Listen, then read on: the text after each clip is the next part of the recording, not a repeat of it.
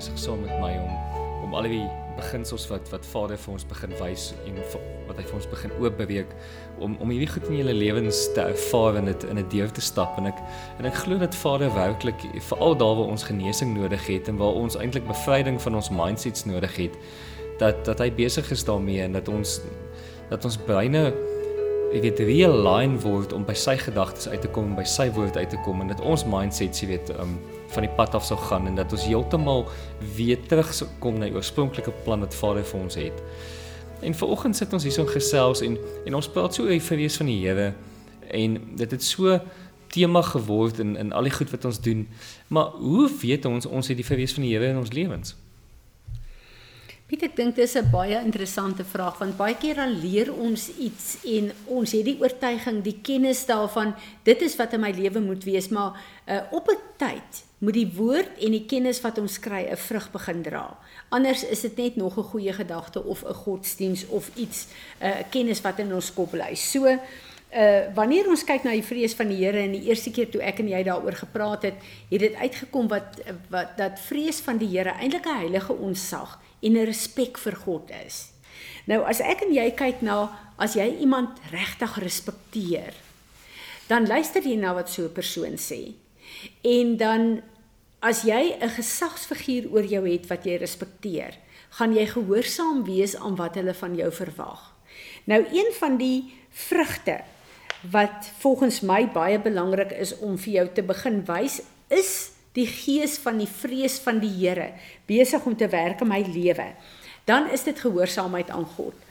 Uh Jesus het vir die disippels gesê dat as julle my disippels genoem wil word. Dit wil sê as julle gehoorsaam is aan my, as julle geken wil word as my disippels, dan gaan julle my woord gehoorsaam. So Jesus het gekom en hy het hulle baie goed kom leer. Hy sê maar as mense na julle kyk en hy hulle sien julle is gehoorsaam aan my woord, dan wys dit dat julle my respekteer en dat julle waarlike disipel van my is. So as ons kyk na Psalm 119 ook, uh dan kyk ons aan aan gehoorsaamheid aan God. Is die woord van die Here 'n fisiese 'n uh, maatstaf in jou lewe? Is jy gehoorsaam aan God in dit wat hy van jou doen? As jy sê dat jy's 'n kind van God, maar jy leef soos die wêreld, dan sal geen vrees vir die Here in jou lewe nie. Jy sal met kennis sit en jy sal die regte geleide maak, maar die vrees van die Here sal jou dring om gehoorsaam te wees en soos die woord te begin lewe.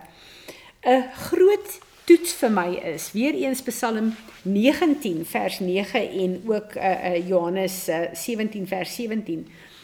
As jy 'n kind van die Here is en jy groei nie in heiligheid in jou lewe nie, en daar's nie heiligmaking in jou lewe nie. Dit wil sê daar is sekere goed in jou lewe wat jy begin verander omdat dit nie in lyn is met God se karakter en sy woord nie. As daar niks uh heiligmaking en en reiniging in jou lewe is nie, dan jy verseker nie die groei van die Here, uh die vrees van die Here in jou lewe nie. En kinders van die Here wat nie geestelik volwasse raak nie, Die hoofrede daarvoor is hulle vrees God nie. Want jy gaan volwasse raak in gehoorsaamheid en in verandering in die karakter van Jesus as jy God vrees. So jy kry baie keer mense wat ehm um, in jare al gevorderd is, maar hulle het geen volwassenheid in die woord van God nie. Hulle tree nog soos babas op of soos tieners op. Dan weet jy dis omdat die vrees van die Here nie in hulle lewe is nie. Hulle het nie 'n heilige ontzag en 'n respek vir God nie.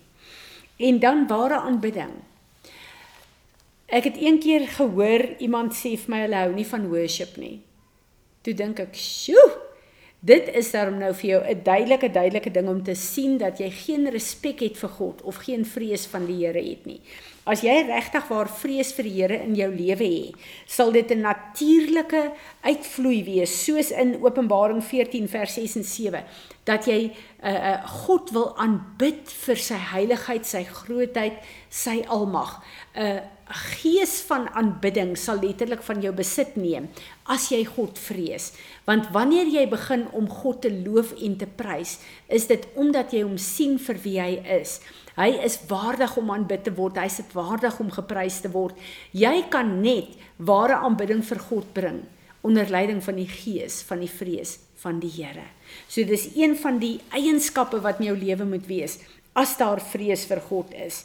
En dan 'n heilige, nederige afhanklikheid van God.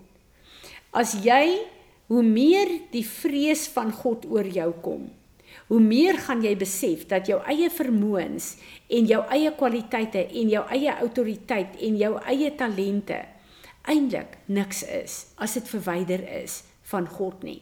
So hoe meer jy God vrees, hoe meer bewus jy gaan jy daarvan word dat al wat jy kan doen wat regtig waar vrugbaar is en die moeite werd is, is as jy dit in afhanklikheid van hom doen en as hy deur jou daai talente, daai eienskappe kan laat vloei.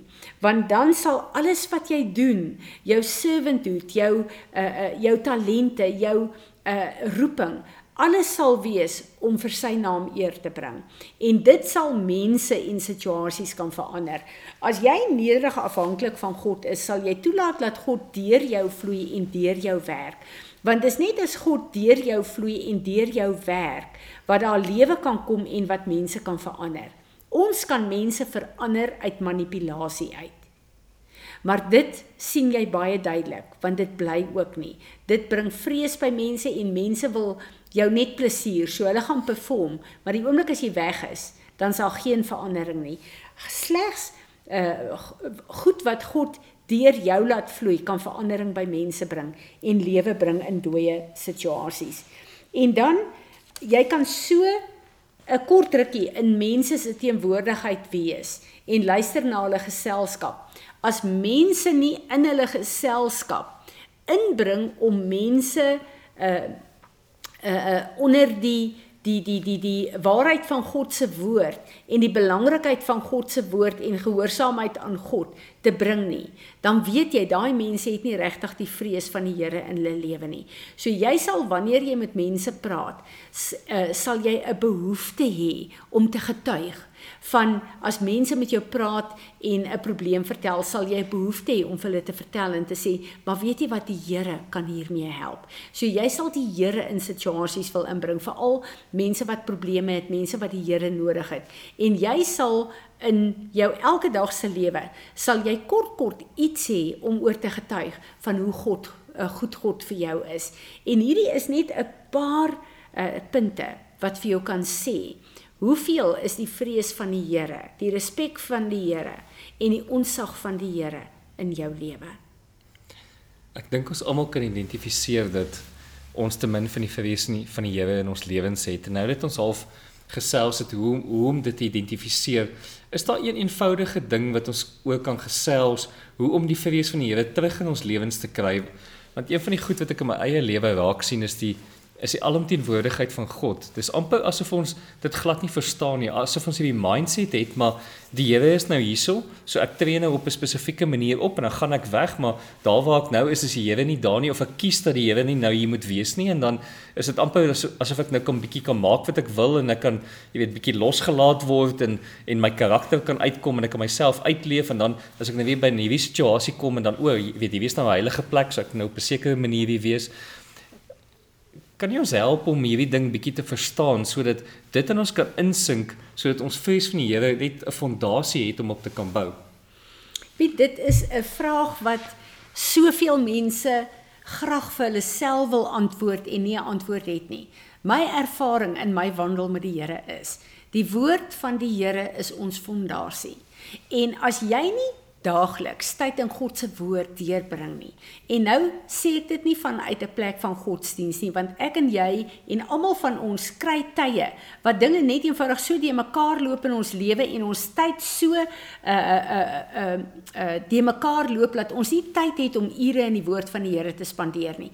Maar as jy uh, nie 'n konstante tyd in jou dag het wat jy in God se woord sit. Selfs al is dit om een hoofstuk in God se woord te vat en te lees nie. Ek sê altyd vir die Here, uh ek ek kan dit nooit klein kry nie, maar ek sal in my daaglikse sê nou jy begin by by uh, psalms en jy besluit jy gaan nou vir 'n tyd lank die psalms deurlees.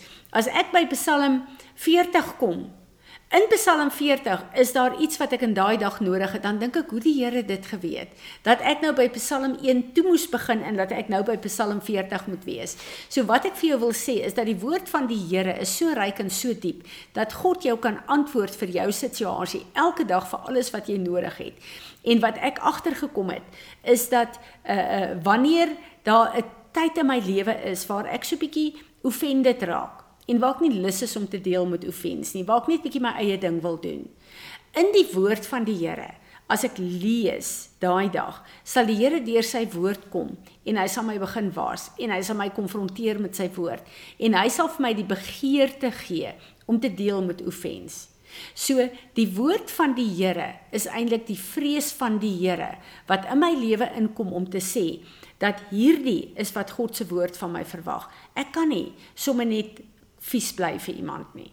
Ek het daai keuse, as ek dit doen, gaan ek wegbeweeg van die woord van die Here en die vrees van die Here af. Maar ek glo dat die vrees van die Here is direk gekoppel aan die woord van die Here. Want as ons kyk na 'n wêreld daar buite wat in chaos is, daar's nie vrees van die Here nie oor die kennis van die woord van God nie in die mense is nie. So die woord wat vir ons wys wie God is, wat vir ons leer hoe hy lyk, wat vir ons leer wat hy van ons verwag. Die oomblik as ons gehoorsaam daaraan raak, dan kom die vrees van die Here, die onsag, die respek van die Here in ons lewe want ons sien dat die woord, gehoorsaamheid aan die woord werk. So ek wil hier vir ons bid. Vader, as ons kom buig in aanbidding voor U, dan besef ons dat Hierdie is sulke eenvoudige uh, reëls in ons lewe, maar dit is die fondasie en U het 'n fondasie daar gelê om vir ons die woord te gee waarop ons lewens geanker moet word, gefestig moet word. Here Jesus, U het gekom as die woord en kom lewe om U woord te kom beproef in ons lewens. Ek bid dat U vir ons 'n begeerte en 'n honger en dors sal gee om in u woord te bly sodat die heilige onsag en die respek vir u soos ons u meer en beter leer ken so groot in ons lewe sal word Here dat ons soos Jesus die woord sal word wat weer begin wandel op aarde Vader, as ons hierdie goed bid, is dit groot goed. Ons kan nie dit doen uit onsself uit nie. Gees van God, ons het U so nodig.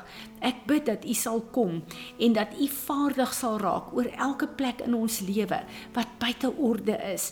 Elke plek, Here, waar ons nie gehoorsaam aan U woord is nie, waar ons nie U toelaat om U woord te neem om ons te heilig en te reinig nie.